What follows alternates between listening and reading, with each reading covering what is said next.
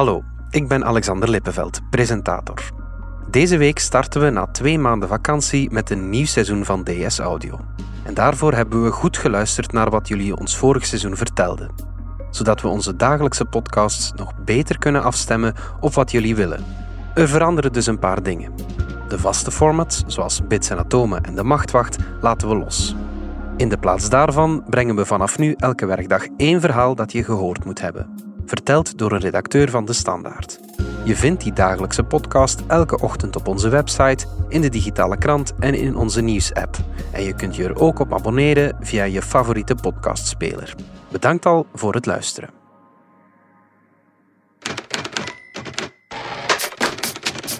DS Audio. Journalistiek om naar te luisteren.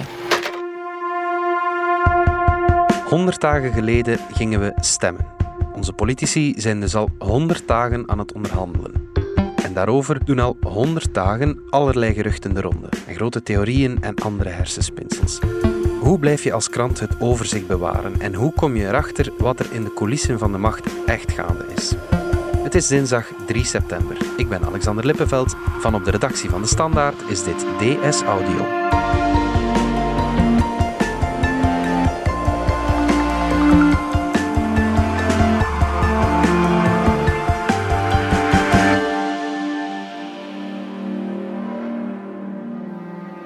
Beste vrienden, Beste vrienden, vandaag heeft de kiezer gesproken. We hebben deze verkiezingen verloren. Dat is helaas klaar en duidelijk. we zijn bescheiden. Hoe arrogant kan je zijn? Met de voeten op de grond.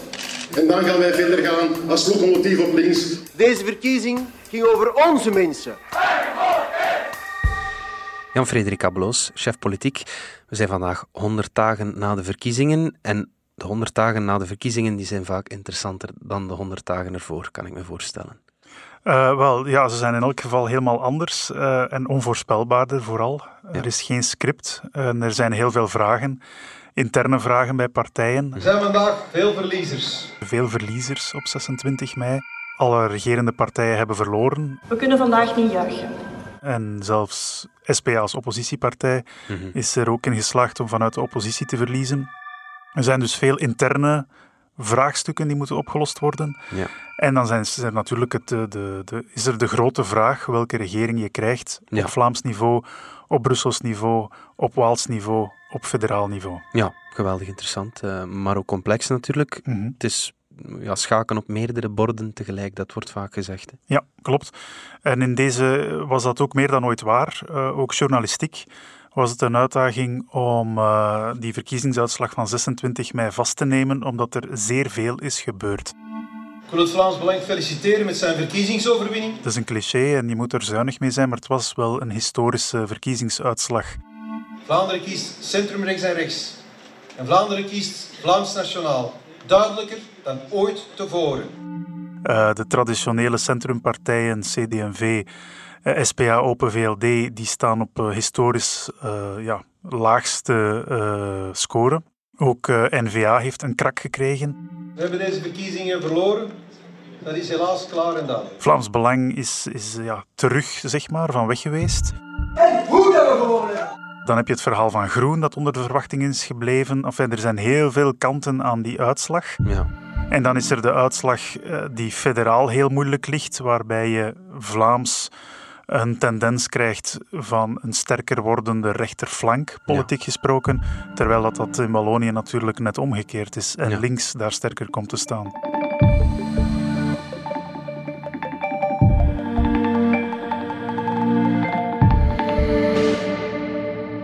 Onze politici zitten dus in een bijzonder complex spel sinds 26 mei. En naar dat spel zit jij dus al 100 dagen te kijken, Jan-Frederik. Maar wat zie jij dan precies van dat spel? Het grote publiek ziet alleen maar een persconferentie om de zoveel weken. Uh, goedemiddag. Uh, de bedoeling is dat we uh, een korte toelichting geven. Maar met zo'n korte toelichtingen vul je geen krant natuurlijk. Uh, nee, dat klopt. Formatietijd is een uh, zeer bijzondere tijd, uh, journalistiek. Niet om, alleen omwille van de vele vragen die op tafel liggen, maar ook omdat het heel moeilijk is om ze te beantwoorden. Mhm. Um, het is een onderhandelen is armworstelen. Ja. En daarin heb je als journalist de lastige taak om proberen achter het gordijn te kijken. Ja. Nu en dan gaat dat gordijn open. Of kan je daar eens achter kijken, maar zelfs dan... Zelfs dan krijg je dit soort dingen te horen. Tot nog toe zijn de gesprekken vooral gevoerd over de verhoudingen eigenlijk een beetje in abstracto tussen de uh, verschillende partijen. En als journalist meegaan achter de gordijnen en mee aanschuiven aan de onderhandelingstafel, dat is er niet bij natuurlijk. Uh, nee, het is zelfs erger dan dat. Als je iets opvangt vanaf die onderhandelingstafel, moet je ook nog altijd de vraag stellen wie zegt wat, waarom en in wiens belang.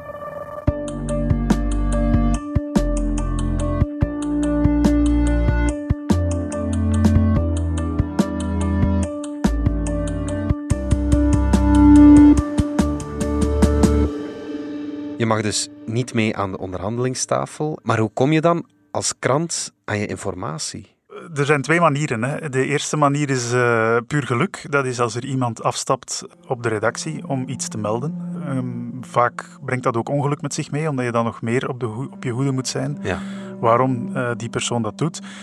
De meer uh, klassieke aanpak is natuurlijk dat wij op jacht gaan. En dat is mensen bellen dat is met mensen spreken. Dat blijft ja, de enige en directe weg om informatie proberen los te peuteren. Ja. En daar moet je dan toch vooral rekenen op banden, persoonlijke relaties die je al ontwikkeld hebt de voorbije jaren met de mensen die vandaag rond de tafel zitten. Ja, dat is natuurlijk stap 1. Dan heb je die informatie, maar je moet die ook gaan checken. Uh, ja, in beide gevallen. Hè. Zowel die info die tot spontaan tot bij jou komt, als die info die je zelf hoort. Um, opnieuw omdat er natuurlijk heel veel belangen zijn. Um, er was bijvoorbeeld gedurende de, de Vlaamse formatieperiode uh, was er op een bepaald moment het gerucht dat men bij NVA een minderheidskabinet overwoog. Okay, ja. uh, waarbij men bijvoorbeeld zelfs met het Vlaams Belang een minderheidsregering zou vormen. Mm -hmm. Um, ja, dat was bijvoorbeeld een gerucht dat wij op geen enkele manier um, ja, gecheckt kregen. Of beter gezegd, het enige dat we daarover hoorden was dat het niet klopte. Ja. Doordat dat gerucht wel de wereld wordt ingestuurd, begint dat ook wel zijn eigen leven te leiden. Ja. Begint dat, wie weet, zich zelfs te nestelen in hoofden van sommigen. Ja, en voor je het weet wordt dat wel een, een concrete optie. Nu, Hmm. de geschiedenis is wat ze is. Uh, dat minderheidskabinet is er natuurlijk nooit gekomen. Uh, Nee. Het wordt nu een Zweedse regering, Vlaams. Met NVA, CD&V en Open VLD. Ja, maar het, uh, je zit in een, uh, een spiegeltent, een echokamer. Um, ja, en daar moet je soms maar één keer in roepen. Of ja, Ja. het begint Alles soms heel luid heel te toeteren. snel uitver- uitvergroot. Ja. Vlaams staat er nu dus een Zweedse coalitie in de steiger. Sinds half augustus is dat al zo. Mhm. Maar in de laatste rechte lijn naar die Zweedse coalitie was er een heel hardnekkig gerucht dat er een andere coalitie zou komen. Hè. Ehm, en dat NVA overwoog om met SPA in een Vlaamse regering te stappen. De zogenaamde Bourgondische coalitie. Dat was begin augustus. Ja. Ja. Klopt, het gerucht eh, begon toen eh, de ronde te doen, eh, wat zeer opvallend was, Ja. omdat het eh, mathematisch heel moeilijk lag. Ja, was maar Stond- één zetel op Voilà, overschot. was maar één zetel op overschot, stond niet echt op de radar en toch plots gronsde het in alle richtingen. Maar dus uiteindelijk op 12 augustus koos Bart de Wever dan toch voor een Zweedse coalitie met CD&V en Open VLD. En met eh, Jan Jambon als eh, Vlaams formateur, toekomstig Ja, minister-president. ja, ja. Maar waarom dacht iedereen dan even dat er toch zo'n coalitie op til was met SPA? Hoe ontstaat zo'n gerucht en wordt daar dan een soort politiek spel gespeeld? Eh, wel, er was eigenlijk al voor de verkiezingen het gerucht dat er een voorakkoord zou zijn. Dat was het logische gevolg, of zou het logische gevolg geweest zijn van het feit dat je in Antwerpen al die Bourgondische coalitie hebt Ja. met N-VA, SPA en Open VLD. En dan werd uh, uit een aantal kringen al op voorhand gezegd, je zal zien, Ja. uh, N-VA gaat ook ons inruilen voor SPA op het Vlaamse niveau. Ja. Nu, dat leek omwille van die mathematische krapte uh, echt wel een longshot. Mm. Maar toen was er uh, op een bepaald moment toch ja, nieuws in het laatste nieuws. Uh, zij hadden opgevangen dat eh, Bart de Wever bereid zou zijn om na te denken over een uh, ja, verlaagde BTW op elektriciteit. Ja, een typisch SPA-standpunt. Ja, exact. En uh, ook een serieuze bocht voor de NVA. Mm. die partij was die BTW-verlaging nooit genegen toen ze destijds onder de regering Di Rupo is gekomen. Ja. Heeft ze teruggedraaid in de regering Michel. Ja, en nu leek men opnieuw van gedachten veranderen. En dat was effectief iets dat op tafel lag. Dat hebben we gecheckt. Ja. Ja, en dat leek toch wel een serieuze indicatie dat het uh, wel eens richting Bourgondië kon gaan. Maar wie lekt dan zoiets? En waarom, waarom wordt dat gedaan? Was het misschien NVA zelf die de andere partijen dan op een VLD en CD&V onder druk wil zetten? Mm of, of was het misschien SPA zelf? Wel, we weten het niet, um, maar het werd wel snel zo gepercipieerd. Namelijk, dit is de manier van NVA om te tonen ja. uh, aan iedereen die het wil zien. De kaarten uh, zijn nog niet geschud en wat ons betreft kan zo'n Bourgondische coalitie misschien wel. Ja. En vanaf dan uh, ja, ging dat bijna in crescendo. als je belde binnen de NVA, dat je toch wel hoorde dat dat een, een, ja, een serieuze optie was. Dus het zou kunnen dat dit een manoeuvre was van NVA om de druk op CD&V en op VLD op te voeren. Als jullie niet meedoen, dan gaan we wel met SPA. Bestaat dan niet het risico dat je als krant wordt meegenomen in een heel spel waarbij je gebruikt wordt om die strijd te voeren? Hoe, hoe ga je daarmee om? Uh, op een zeer klassieke manier eigenlijk. Dat is uh, ervoor zorgen dat de informatie die tot bij ons komt of die we horen, dat die gedubbelcheckt wordt. Uh, dat we verschillende bronnen hebben die hetzelfde verhaal vertellen. Ehm, dan nog heb je inderdaad, is er nog altijd een risico dat uh, uiteindelijk ja, de zaken toch anders lopen dan het die dag lijkt te zullen lopen. Ja. Maar wat je als krant niet mag doen, is, is gokken op de afloop. Uh, Je moet uh, zaken in de krant zetten um, met de nodige nuance. Ja. En nooit doen alsof dat je in de glazen bol van de formatie hebt gekeken. Ja. Dan kan je helemaal juist zitten, maar je kan er ook helemaal naast zitten. Mm -hmm. En de dingen die de ronde doen, nooit voor waar aannemen. Exact.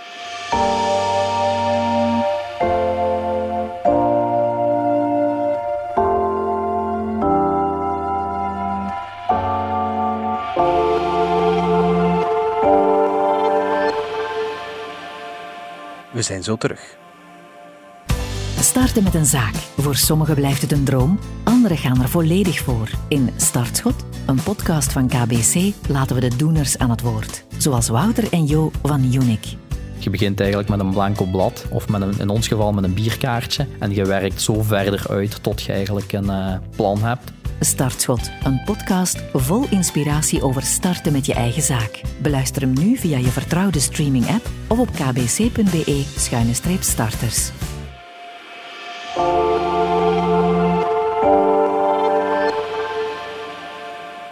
Jan Frederik, ik wil er even de krant bij nemen van een van de sleutelmomenten na de verkiezingen. Dat is de krant van uh, vrijdag 2 augustus, een maand geleden.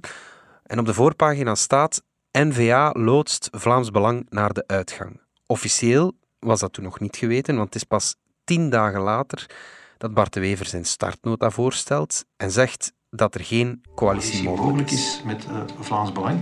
Vandaag niet, maar het is ook wel mijn echte overtuiging dat dat ook onveranderlijk is. Dat wil zeggen dat dat volgende week, volgende maand of binnen drie maanden nog zo zal zijn. Geen coalitie mogelijk dus met Vlaams Belang, zegt Bart de Wever op 12 augustus, maar tien dagen voordien schrijft de standaard wel al het wordt zonder Vlaams Belang. Ja, meer zelfs. Er stond ook al dat er dus een piste was om eh, Jan Jan Bon eh, minister-president te maken. Ook dat is intussen officieel geweten, maar ook dat was toen nog niet zo. Hoe komt zo'n nieuws dan bij jullie? Uh, wel, het was uh, eigenlijk binnen Vlaams Belang dat er iemand zijn mond uh, voorbij gepraat had okay. die dag. En die zei dat er ook een meeting was bij de NVA over dat punt. Ja. En ja, toen we daarop begonnen bellen, bleek inderdaad dat één, die meeting er was. Mhm. En dat twee, in hoofden van uh, ja, de NVA-top, Vlaams Belang eigenlijk al opzij was geschoven en men enkel nog twijfelde tussen dus die Bourgondische coalitie of het verder zetten van de Zweedse coalitie. Mhm. Dus dat hebben we beetje bij beetje, stap voor stap kunnen reconstrueren. En ik denk tegen ja, deadline aan, dus iets na tien uur s'avonds, uh, hebben we dan die voorpagina kunnen schrijven, uh, Oké. waar je zo net uit geciteerd hebt. Ja, ja, ja, je zei daarnet ook dat er heel veel foute informatie de ronde doet. Als je zo'n verhaal op de voorpagina zet, rond tien uur s'avonds, hoe gerust ben je dan als je naar huis rijdt? Uh, ja, ik was wel redelijk gerust, uh, omdat we hadden veel bronnen. We hadden het verhaal echt wel beet in de vingers. Ja. En we hebben het ook opgeschreven zoals we ja, het gehoord hebben. Dus daar staat niet op die front Vlaams Belang wordt uh, opzij geschoven. Nee, ja. Jan Jan Bon wordt minister-president. Nee, dat laatste was een piste. Ja. En over Vlaams Belang hebben we heel bewust geschreven. Uh, Vlaams Belang wordt naar de uitgang geloodst. Er was altijd nog een kans dat men uh, ja, alsnog die partij aan boord zou houden. Ja. Maar het had er alle schijn van dat op dat moment de knop wel al was omgedraaid.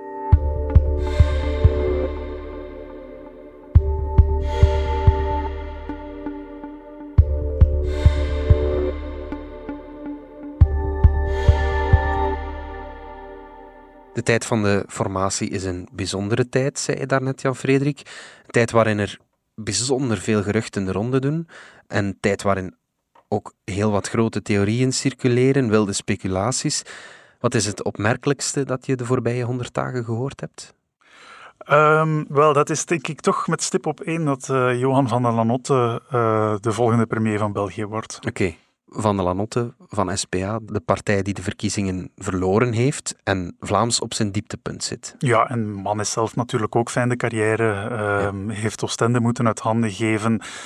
Ja, het zou zondigen tegen alle politieke wetten mocht hij plots uh, premier van België worden. Nu, het lijkt onwaarschijnlijk, maar het is tegelijk, als je er even bij stilstaat, als je van goede wil bent, ook niet totaal van de pot gerukt natuurlijk. Van der Lanotte als mogelijke premier, dus een man met massa's ervaring, tweetalig, grondwetspecialist.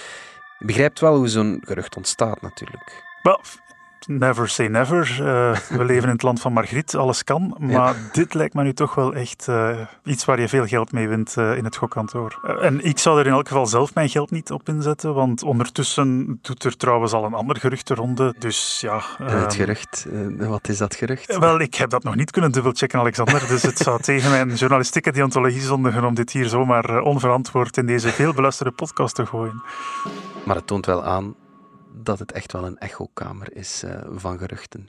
Ja, en dus in sommige gevallen heft het uh, ene gerucht uh, het andere gerucht op. Ja. Uh, ja. en dan ben je terug bij start. Mm -hmm.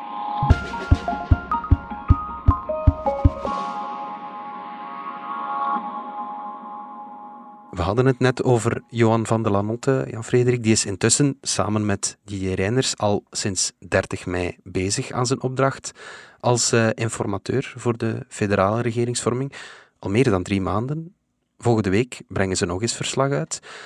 Maar het valt op dat wij heel weinig weten en dat er dus heel weinig gelekt wordt.